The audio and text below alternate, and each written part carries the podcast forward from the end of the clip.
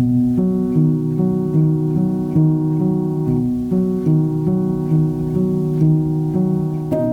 Houten Jas, podcast voor professionals in uitvaartland.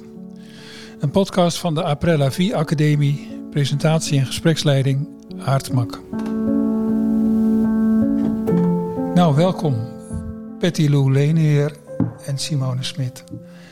Um, we gaan een, uh, in deze podcastserie een nieuw gesprek beginnen. In dit geval met twee dames. Uh, ik verheug me erop, want volgens mij hebben jullie wel wat gemeen en zijn jullie ook verschillend. En het leuke van deze gesprekken is, Betty Lou en uh, Simone. Het is um, voor professionals, deze podcast. Als andere mensen mee willen luisteren, is dat ook prima. Maar het is vooral voor professionals. En het is door professionals, want jullie zijn allebei werkzaam in de uitvaartbranche. Ik begin even met jou, Simone. Mm -hmm. Ik zag dat jij uh, deel, bent, deel uitmaakt van een familiebedrijf. Ja, klopt. klopt. Wat, wat, hoe zit dat? Uh, acht jaar geleden is mijn vader uh, de onderneming gestart.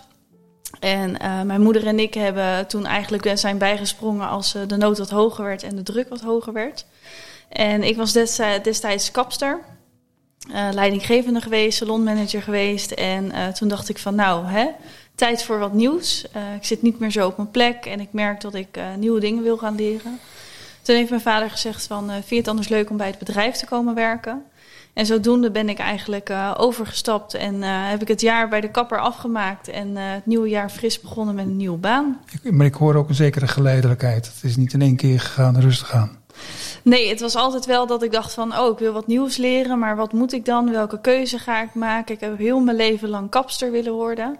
Uh, nu ben Was dat ik kapster. een meisjesdroom van je? Ja, zeker. Oh, ja? ja, moeder is ook kapster. Okay. Uh, dus zodoende is dat, is dat er met de paplepel ingegoten. Ja. En daarna dacht ik eigenlijk van, ja, wat wil ik dan hierna gaan doen? Wat brengt me nog veel meer en wat wil ik leren? En zodoende is eigenlijk de overstap gekomen, maar wel met een overstap van drie maanden dat ik zei, ik wil het eerst gewoon goed afronden. Ja. Uh, en daarna ben ik klaar voor iets anders. Jullie noemen jezelf een regionaal familiebedrijf, hè? In ja. Hoogvliet, hè? Ja. Bij. Rotterdam is dat toch? Klopt, ja. ja. En jouw vader heet Edwin en je moeder Madeleine, klopt het allemaal? Klopt helemaal. Ja, het internet is natuurlijk een bron. Heel handig. Uh, en ik las, en dan kom ik zo bij jou, Patty Lou, maar ik las, Simone, uh, uh, dat in het AD, het Algemeen Dagblad, een keer stond dat jij de jongste vrouwelijke uitvaartondernemer was.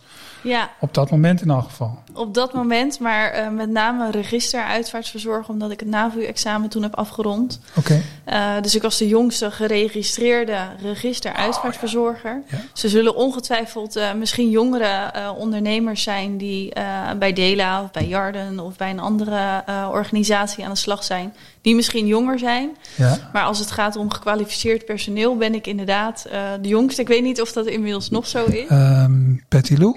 Uh, jij, bent, uh, ook, jij bent iemand die eerst iets anders heeft gedaan in het leven voordat jij de uitvaartzorg inging. Wat was dat? Ik ben uh, ooit afgestudeerd sociologe. en daar wilde ik heel graag mijn vak ook wat verder in verdiepen. Het grappige is dat ik in de luchtvaart ook werkzaam was gelijktijdig. En de luchtvaart deed ik, deed ik um, operationele dienstverlening. Grondstewardess ook. Okay. En, en uh, uh, operationeel manager, zoals dat dan zo mooi heet. Maar daar heb je geen sociologie voor nodig? Nee, behalve dan dat je merkt dat het als het met mensen werken en communiceren met mensen, dat daar eigenlijk best wel veel sociologie bij komt kijken. Op wat voor manier?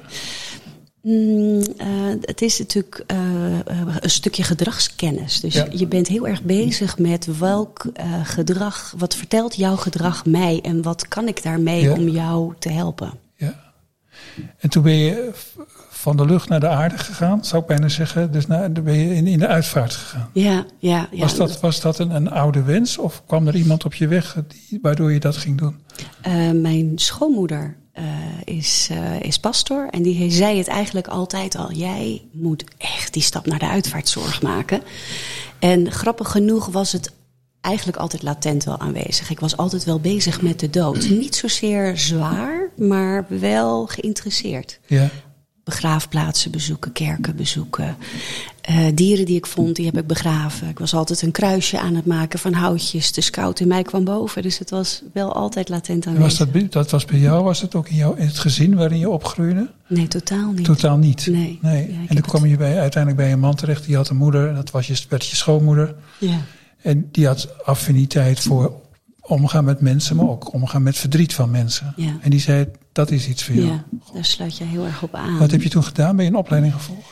Om heel eerlijk te zijn, zag ik een advertentie van PC Hoofduitvaartzorg. Ik heb gesolliciteerd, ik werd aangenomen. En dat was een, Ja. eh, een hele mooie leerschool in het Amsterdamse, waar de enorme hectiek van dingen en, en, de, en vooral de diversiteit in de culturen. Ja. Ik vond het fantastisch. Ja. Dat doe je sinds 2005 nu, hè? Ja, 17 jaar ongeveer. ja, ja. Ik, ik, ik noem drie woorden die ik tegenkwam. Vond ik wel goed eigenlijk. Eigentijds, vriendelijk, toegankelijk. Dat, dat, volgens mij geldt dat voor je bedrijf. Maar eh, ik, kom je wel eens eerder, ik heb me wel eens eerder een paar keer tegengekomen. Dat geldt ook al voor jou, geloof ik. Hè? Eigentijds, vriendelijk en toegankelijk. En dat, het, het, ik heb het om mij heen gevraagd. Ik zei, als je naar mij kijkt, als je mij kent, Kijk, wat denk je dan? Ja. Het is natuurlijk heel makkelijk eh, om, om zelf wat te bedenken. Maar hoe mooi is het als je andere mensen eerlijk naar jou laat kijken. En je mooie, maar ook je minder mooie kanten laat benoemen. Ja. Daar kun je altijd weer van leren. ja. Klopt voor je, zoals het nu gaat. Ja, dat klopt. Mij. Daarnaast ben je ook eh, wat, wat korter geleden eh, begonnen met, met, met het maken van podcast. Hè? Ja, Helemaal het einde. ja, helemaal Dat doe je samen met Richard Grootpot. Ja, ja, klopt. Hoe is dat? Ja, het, het ontstond eh, drie jaar geleden vanuit het opkomen van de podcast. Maar vooral ook eh, de wens om de dood bespreekbaarder te maken. Iets wat we natuurlijk veel uitvaartbegeleiders of uitvaartprofessionals wel zullen herkennen. Dat het soms toch nog moeilijk is om het te bespreken of überhaupt waar, eh, waar je kennis vandaan kunt halen. Ja. En toen zijn we de podcastseries gaan maken. En eh, ja, het is heel mooi om met de mensen gesprekken te voeren. En eh, de verdieping in te gaan over hoe, nou niet alleen hoe dingen werken, maar hoe kun je met elkaar in gesprek over dingen, ook als het een beetje lastig is. ja. Helemaal het einde heet het, hè? Helemaal aan het einde. Ja, ja. helemaal aan het einde. ja.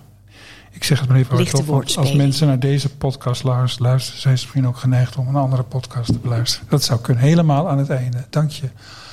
Ehm, Simone, ik kom nu terug bij jou en dan kom ik daarna weer bij jou, Betty, want, eh, Betty Lou, want laten we het ook gelijk maar benoemen. Ehm, ik las, ik kon het niet echt goed lezen via internet en op het AD en zo, maar ik las wel dat je het had gehad over dat je als kind al de dood in de ogen had gezien. Klopt dat, Simone?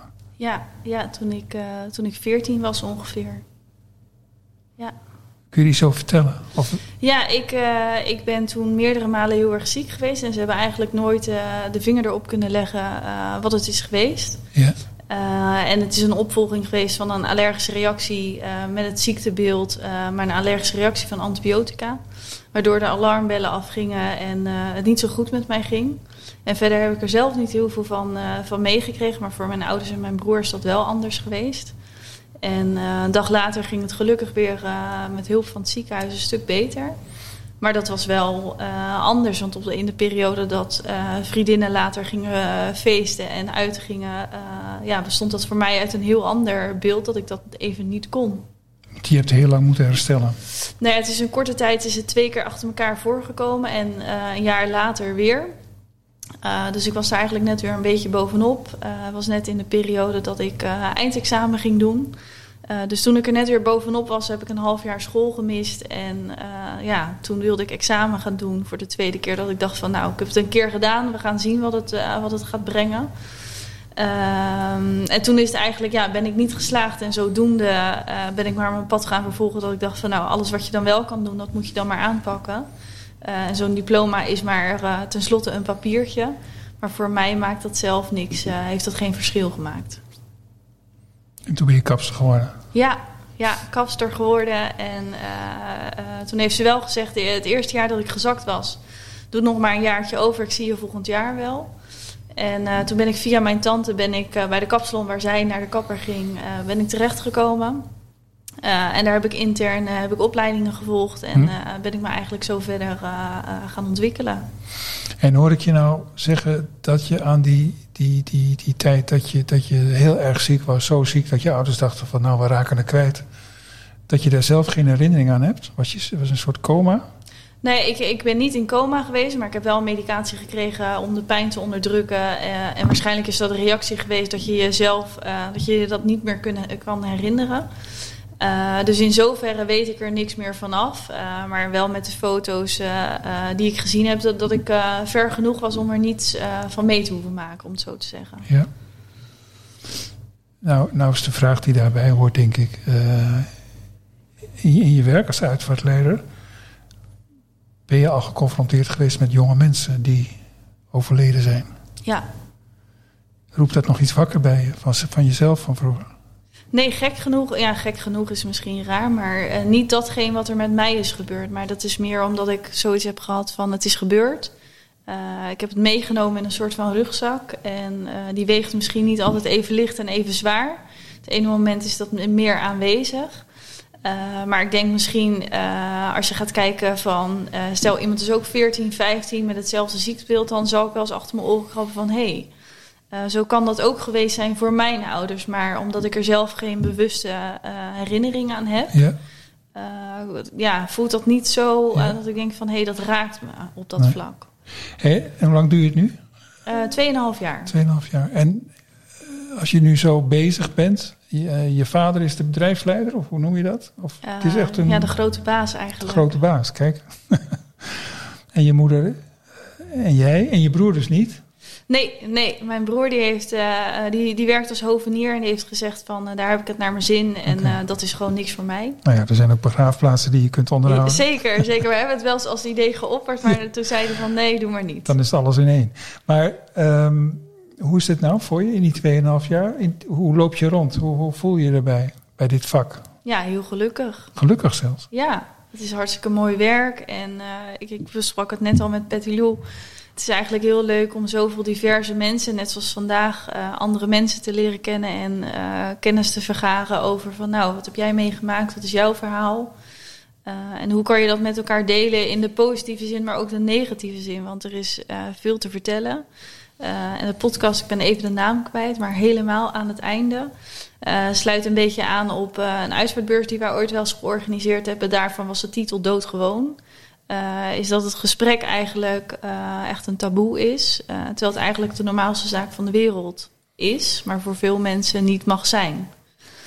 dus daarin zit wel, ben ik wel heel erg op zoek naar van hoe is dat dan als je wat langer in het vak zit? Hoe is dat als je ouder bent? Hoe is dat als je jonger bent?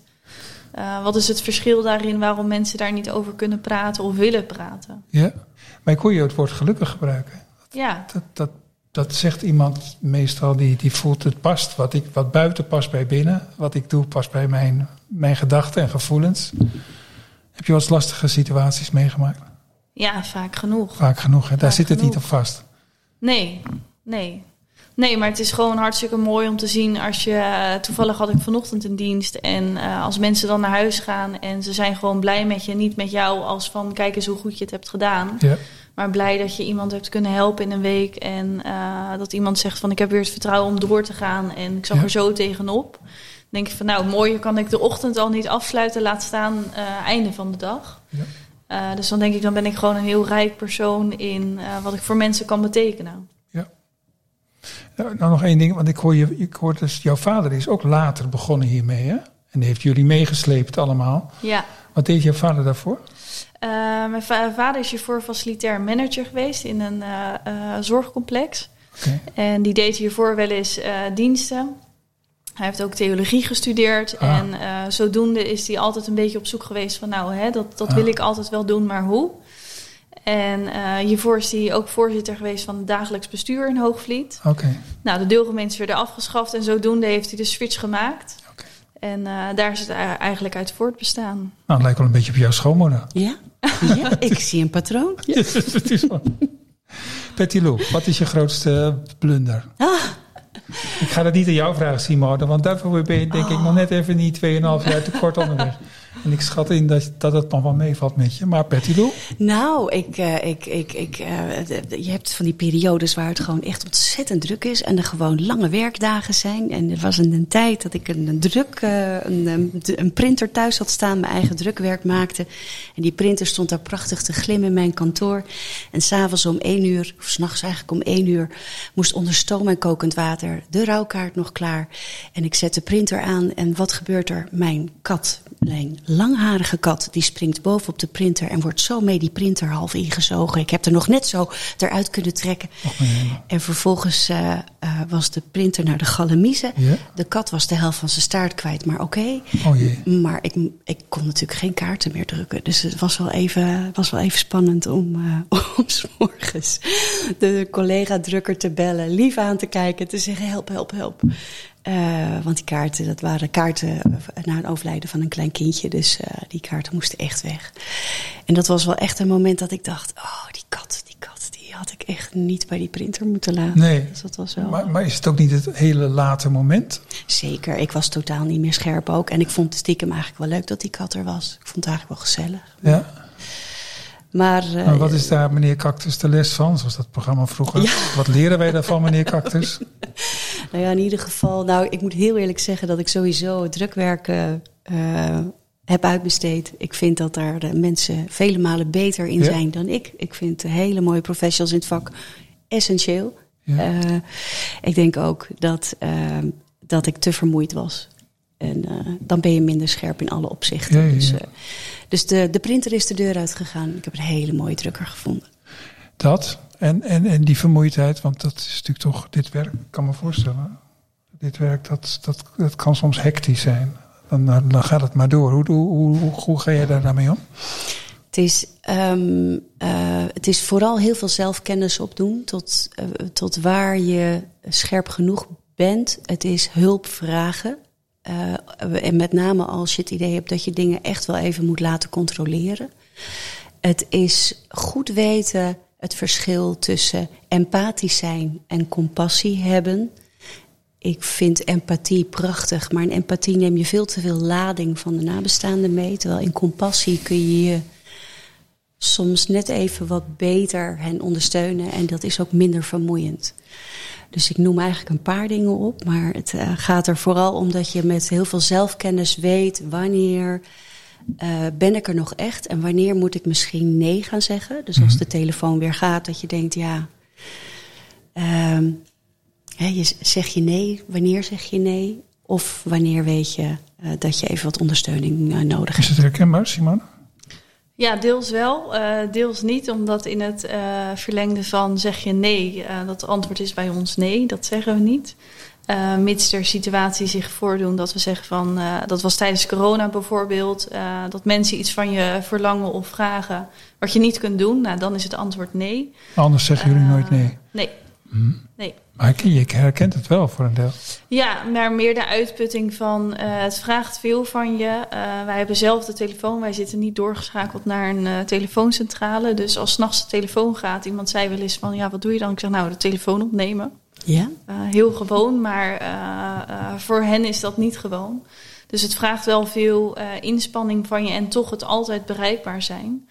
Um, dus dat is meer de inspanning die ik voel inderdaad. En gewoon je eigen grenzen weten. Tot wanneer ben ik scherp? Wat heb ik nodig? En uh, waar kan ik mijn ontspanning en mijn rust vinden? Maar dat weet je. Ja, inmiddels wel. De, de, ja, ja, de antwoorden op die, die drie, dat zijn best wel goede uh, vragen. Uh, die heb je, die antwoorden. Ja, ja, ja, maar dat heeft ook wel even geduurd. Want aan het begin denk je ook, ga door, ik ga door. Want dat is uh, ja. wat je denkt dat erbij hoort. 24-7 bereikbaar zijn. Uh, maar ja, soms hoef je niet bereikbaar te zijn.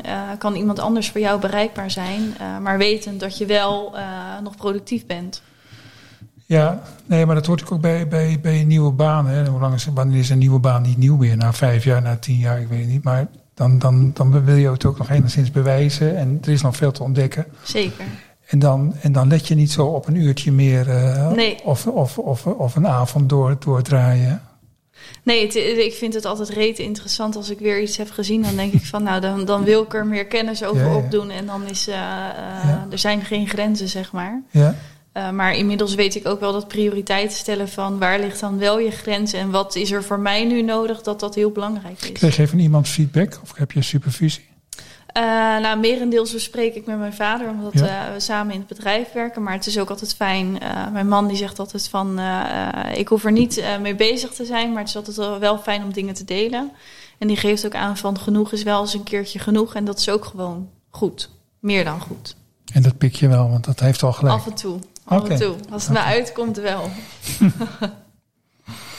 hey, je maakt het onderscheid tussen uh, empathisch en compassie. Empathie en compassie. En dat legt je uit. Empathie, dan ga je te veel, te ver. Als ik het nou in mijn woorden vertaal. Betty Lou. En compassie, dan blijf je op een zekere...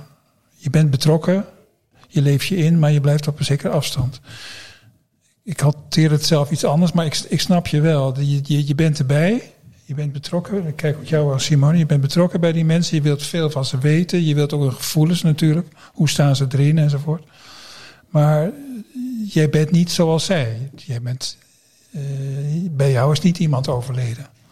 Nee, dat jij is. Bent, jij bent degene die een dienst verleent. Ja, nou ja, en dat je, je, je verplaatst je per definitie. Want dat gaat natuurlijk over die vertaalslag kunnen maken. Dat betekent ook dat je goed weet wanneer die stap vooruit, wanneer die stap achteruit. Je kunt ook begrijpen waar het verdriet over gaat. Je kunt het heel goed lezen. Uh, iedere uitvaart heeft altijd voor mij nog meerdere raakmomenten. Maar het is voor mij wel een valkuil dat als ik te empathisch word, uh, dan wordt die te zwaar voor me. Dan Mhm. neem ik te veel van het verdriet van de ander mee. En dat kost mij heel veel energie. En je kent jezelf inmiddels goed genoeg om, om te weten wanneer dat zich aandient. Ja, dat voel je. ik herken het, ik voel het. En soms laat ik het toe. En soms dan denk ik, oké, maar nu moet ik toch weer eventjes die andere Ja. rol, ietsje die afstand gaan zien te vinden. Uh, want ik hoor het jou zeggen, en ik vind het alleen maar mooi, dat je, je, je wil eigenlijk alleen maar meer leren en meer weten en meer verplaatsen en, en nog beter anticiperen. Ja.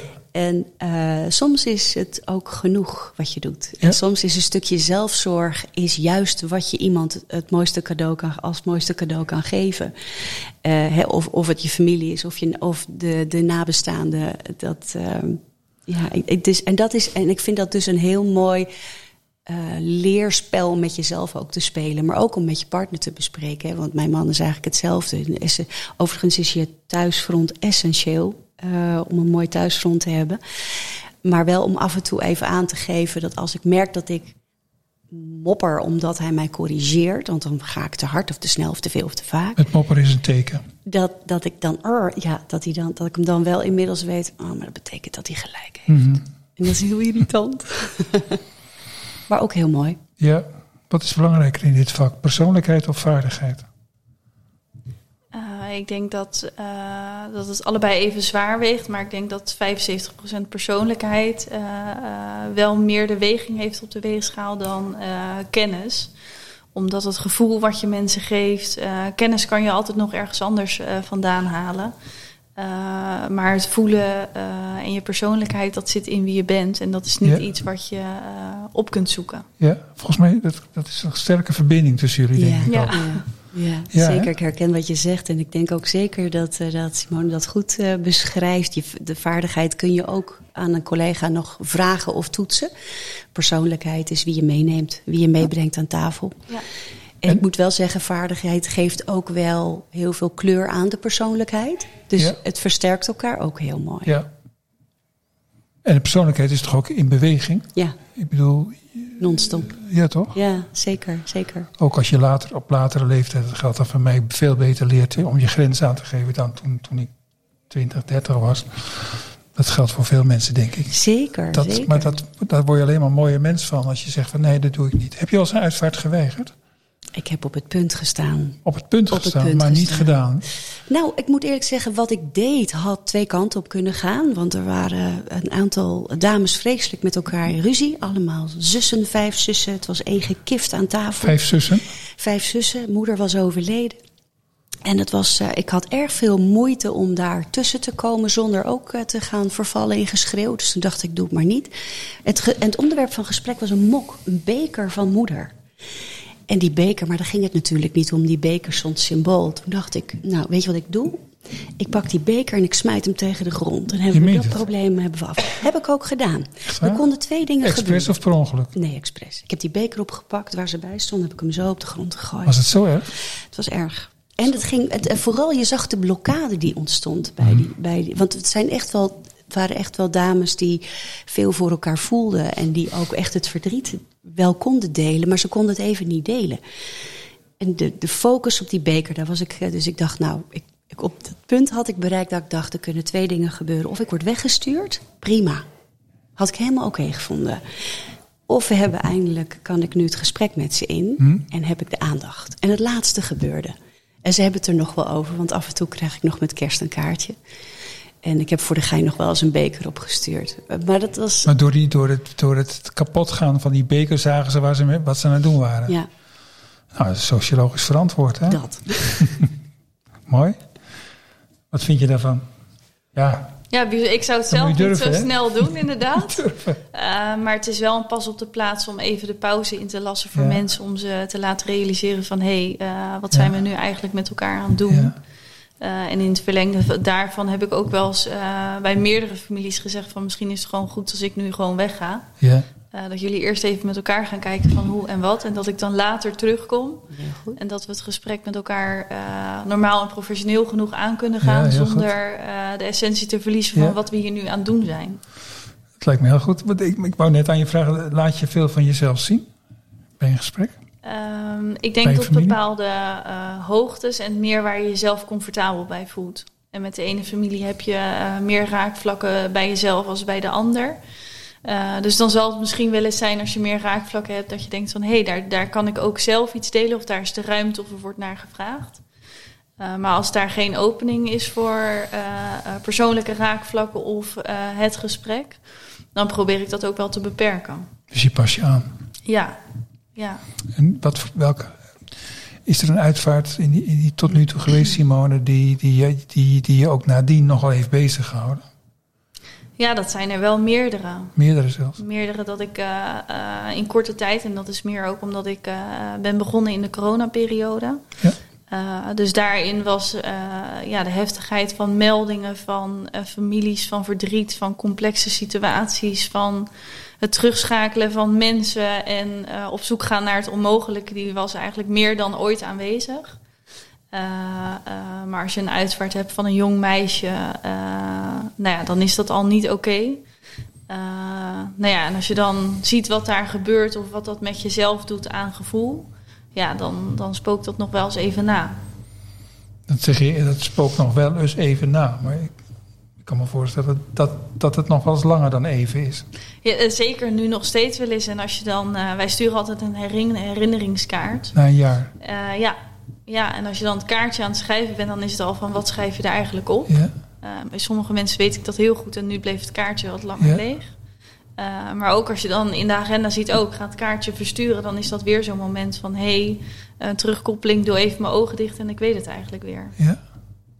Hoe, hoe zie jij de dood eigenlijk? Is dat, is dat de grote inbreker die, die alles wat mooi is kapot maakt? Of is het een, een onderdeel, ik noem maar een paar dingen, een onderdeel van het bestaan wat nu helemaal zo is? Ja, ik zie het meer Hoe als het het? proces van eh, iedereen wordt geboren en iedereen gaat een keer dood. Maar dat is meer misschien de plastische zin van eh, hoe het bestaat. Ja. Eh, en ik vind het ook wel een mooie mijlpaal als het ware om te laten zien van wat kan je aan mensen achterlaten. En niet zozeer in van oh iedereen gaat dood en het is heel verdrietig.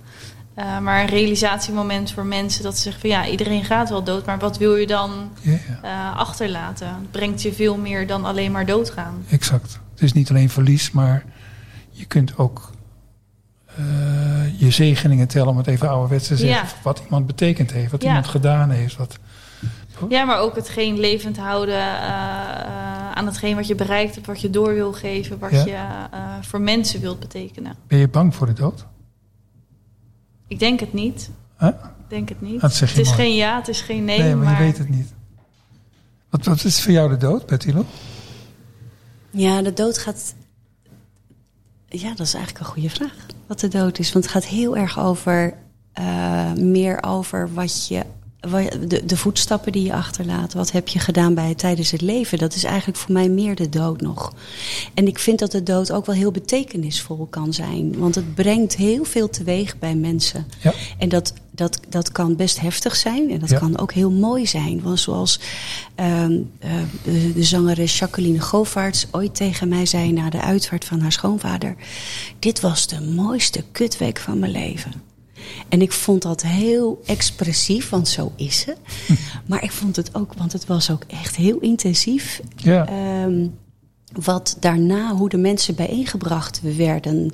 Dus dan gaat het misschien ook over het gesprek over het leven. Dat, dat, dat, dat- met andere woorden wat jij ook zei, hè? Ja. Ja, maar ook terugkerend naar het stuk van... eh, het is het mooi, de mooiste kutweek. eh, is dat mensen zeggen aan het einde van zo'n week... ik heb genoten van vandaag. En het is een mooie dag als je, dat mensen, als je mensen zo mee kunt nemen... eh, van eh, dag 1 tot 7 of 8. Naar een nieuwe herinnering eigenlijk Ja. begeleid. Hè? Ja. Ja. dan is dat alleen maar mooi... als je die Ja. waarde zo naar boven kan Ja. laten komen. Ja. Wat, wat merken jullie als uitvaartleiders? eh jij zit in Zuid-Holland, jij zit in Noord-Holland toch vooral, hè? Eh, wat merken jullie bij de gemiddelde Nederlander die, bij, die jullie passeert? Die, die, staat hij een beetje nuchter tegenover de dood of is het een groot drama? Mm, Ik, ik merk dat, die toegankelijk, dat het wel makkelijker bespreekbaar wordt. Dat het iets toegankelijker wordt in het noorden van Nederland. Dat is niet alleen dankzij je podcast, maar dat is ook de tijdgeest. echt de Het wordt, tijdgeest. het wordt, ja. het wordt, Het wordt wat makkelijker bespreekbaar. Ja. Het, wordt, het is wat minder spannend, het is wat minder eng. Dat heeft natuurlijk ook met het multiculturele te maken. En met de, meer de gesprekken ook over rituelen. Hè? Dus je ziet überhaupt dat, dat, dat, het, dat het allemaal wat makkelijker wordt voor mensen. Of wat minder spannend misschien. Hè? Waar, waar, waar, waar voorheen de gordijnen dicht gingen. Ja. En, eh, en de, de, de doeken over de spiegels. En Ja. we hadden het er niet over. Wordt het wel ietsje makkelijker. Tenminste, dat merk ik. Ik vind het in het oosten van het Nederland, of waar het ik moet eigenlijk zeggen, de Bijbelbelt, daar is het nog wel ietsje zwaarder, of ietsje Mhm. lastiger nog. Ehm, maar in, in, in het noorden van Nederland zeker, ja. wat zeg jij daarover? Wat is jouw waarneming? Ook via je vader misschien of via collega's? Ja, nou, ik denk dat het vroeger was het echt een, eh, een taboe, een no-go om er iets over te, eh, te zeggen. Eh, ik denk dat dat vandaag de dag nog zeker, eh, nou denk ik wel 80% is en dat er 20% denkt van eh, ik zou er eens het gesprek over aan willen gaan of ik durf er iets over te vragen of te zeggen. Maar waar ik echt wel voor pleit is om ook kinderen bewust te laten maken van het is iets gewoons. Je kunt er gewoon over praten. Het is misschien verdrietig. Uh, maar alles is oké. En uh, uh, daarin hoop ik wel dat het in de toekomst vrijer kan gaan worden voor mensen. Heb je als uitvaartleider van tevoren soms overleg met de kinderen? Ja, ja. en vaak uh, toevallig het afgelopen jaar uh, drie uitvaarten waarbij kinderen hoogbegaafd een vorm van autisme of het Down-syndroom. Oh. En dan is het alleen maar mooi als je de kwaliteiten van de kinderen tot uiting laat komen. Ik denk zomaar dat jij dat heel goed kan. Ja, en uh, nou, om een mooie herinnering te delen, dat was uh, een knulletje. Daar ben ik op voorhand mee naar het crematorium geweest. Nou, zo werkt het. Drie keer het rondje gelopen, want dat was het fijnste voor hem. Dus op een gegeven moment zei hij van, uh, nou, ik zou ooit wel eens ober willen worden. Ik zeg, nou, als jij dan aan het einde van de koffiekamer de bordjes ophaalt. Hij zegt, zo, jij bent echt slim. Ik zeg, ja, dat wist ik wel. Ja, einde van, eigenlijk vanaf het begin van de uitvaart van de auto opwachten, zei hij, oh, maar dat kan ik ook wel. Uh, dus de taken die ik heb vervuld zijn eigenlijk vervuld door, uh, door de kleinzoon. En dat is eigenlijk. Uh, Hoe heet die? Hoe heet die? Ja, dat is een goeie. Ik ben niet zo goed in namen. Oké, okay, dat geeft niet. Ik weet wel, als ik hem tegenkom in de winkels, dat hij uh, van achter in de kasserij zegt: Hey Simone. Oh, wat leuk. Ja. Nou, laatste vraag aan jullie allebei. Wat moet er gebeuren als jij over 70 jaar en jij over 50 jaar doodgaat? Ik dacht eigenlijk dat ik het altijd wist. Hangt ook een beetje af van hoe oud ik ben. Ik ben zelf uh, bij voorkeur word ik begraven. Um, maar alleen als mijn kinderen daar en mijn man daar ook heel veel troost uit kunnen halen. Maar vooral laat, laat het uh, in de vrije natuur zijn. En hoe meer uitvaart ik begeleid, hoe meer ik de kracht van minder in woorden kan waarderen. Ja, ja. Dus dat vind ik wel. Als, ik vind het fijn als mensen me herinneren. En vooral dat ze me herinneren. En, en niet, dat hoeft niet allemaal gezegd te worden. Het hoeft niet allemaal het gezegd hoeft te worden. oké. Okay. Het hoeft niet allemaal uitgesproken te worden. Ja. Wel veel blauwe bloemen graag. Blauwe bloemen. Korenbloemen. Je bent toch blauw? Ja, zijn korenbloemen, ja. Eh, en jij, Simone? Ja, ik weet het eigenlijk niet zo goed. Ik heb voor mezelf nog niet Gezien je leeftijd keuze- lijkt me dat ook helemaal niet erg. Maar je bent Mm. natuurlijk wel in je vak nogal mee bezig. Ja, ja, en dat is soms zelfs het gekke. Ik, eh, ik ben heel erg bezig om mensen eh, te enthousiasmeren om eh denk eens erover na. En eh, eigenlijk ben ik zelf dit jaar, mijn vader ook pas begonnen van... joh, maak eens een lijstje met muziek, want ik ken het deuntje wel... maar ik weet niet hoe de nummers heten. Eh, maar ik weet eigenlijk niet goed hoe ik dat voor me zie. Ik hoop dat het... eh, ehm, nou, het hoeft niet groot, groter, groots te zijn... Maar dat wel gewoon het leven gevierd wordt als hoe ik dat heb gedaan. Of waar mensen zich prettig bij voelen. En waar dat dan ook is, thuis of uh, nou, noem het maar op. het maakt mij eigenlijk niet zoveel uit als mensen er maar troost uit kunnen halen wat voor hen goed is. Ik hoor het al, jullie allebei zijn mensen die, die het niet helemaal dicht timmeren. En zo moet het en zo zal het gebeuren. Nee, nee, nee. Dat lijkt me ook heel wijs. Ik denk, dat de, ik denk ook wel dat, dat, uh, dat onze dierbaren het wel weten eigenlijk. Ik vertrouw ik ook wel op ja. eigenlijk. Het is natuurlijk uh, uh, graag in de geest van wie je was en waar je Ja. voor stond. En dat kan overigens nu en zeker in de leeftijd van nu. En, en straks kan dat ook alweer anders zijn. Maar ik vind het altijd wel heel mooi om te zien in uitvaarten als... Uh, een heel leven voorbij komt. Ja. He, dat we niet op onze laatste wedstrijd worden. Nou, dat vind ik een verstandige opmerking, uh, Betty Lou. Dat, dat, dat gebeurt ook wel eens. Dat je denkt van ja, maar ook als iemand maar 50 is geworden, dan is het toch ook nog wel 50 jaar. Met, met ook een hele aanloop. En als daar niks over gezegd wordt, of alleen maar over de laatste twee jaar dat iemand in een verpleeghuis zat. En zo, dat is zo jammer. Ja, Ja. Nee, dat ben ik eens. Ja, Nou, het is, uh, het is, het is, het is, het is goed en, uh, en, en mooi dit gesprek. Ik, uh, ik, ik, ik, ik wou nog zeggen dat, dat die laatste week, die, die mooiste kutweek van mijn leven, zei ze toch? Mhm. Dat, is, dat wordt ook wel eens een keer veel plechtiger, maar met eenzelfde effect de Heilige Week genoemd. Hè? Tussen dood en uitvaart. Mensen zijn daar veel creatiever dan je denkt. En ze komen ook vaak op de juiste gevoelens en juiste muziek en de juiste woorden. En dat, dat komt altijd wel in orde op een of andere manier. Dus dat zal bij jullie en bij mij ook wel een keer eh, goed komen. Nou ja, maar dat is wel in aansluiting op wat ik zie. Aan ik vind wel dat mensen steeds beter woorden kunnen vinden. Ja, zeker de jongere generatie. mooi. Ja, ik vind dat zo mooi. Ik ook. Mooi, dank jullie wel voor dit fijne Ja, gesprek. bedankt. Dankjewel. Aart. En uh, we gaan uh, ga goed met jullie werk. En tot ziens. Eens gelijks, dankjewel. Dankjewel. Alsjeblieft.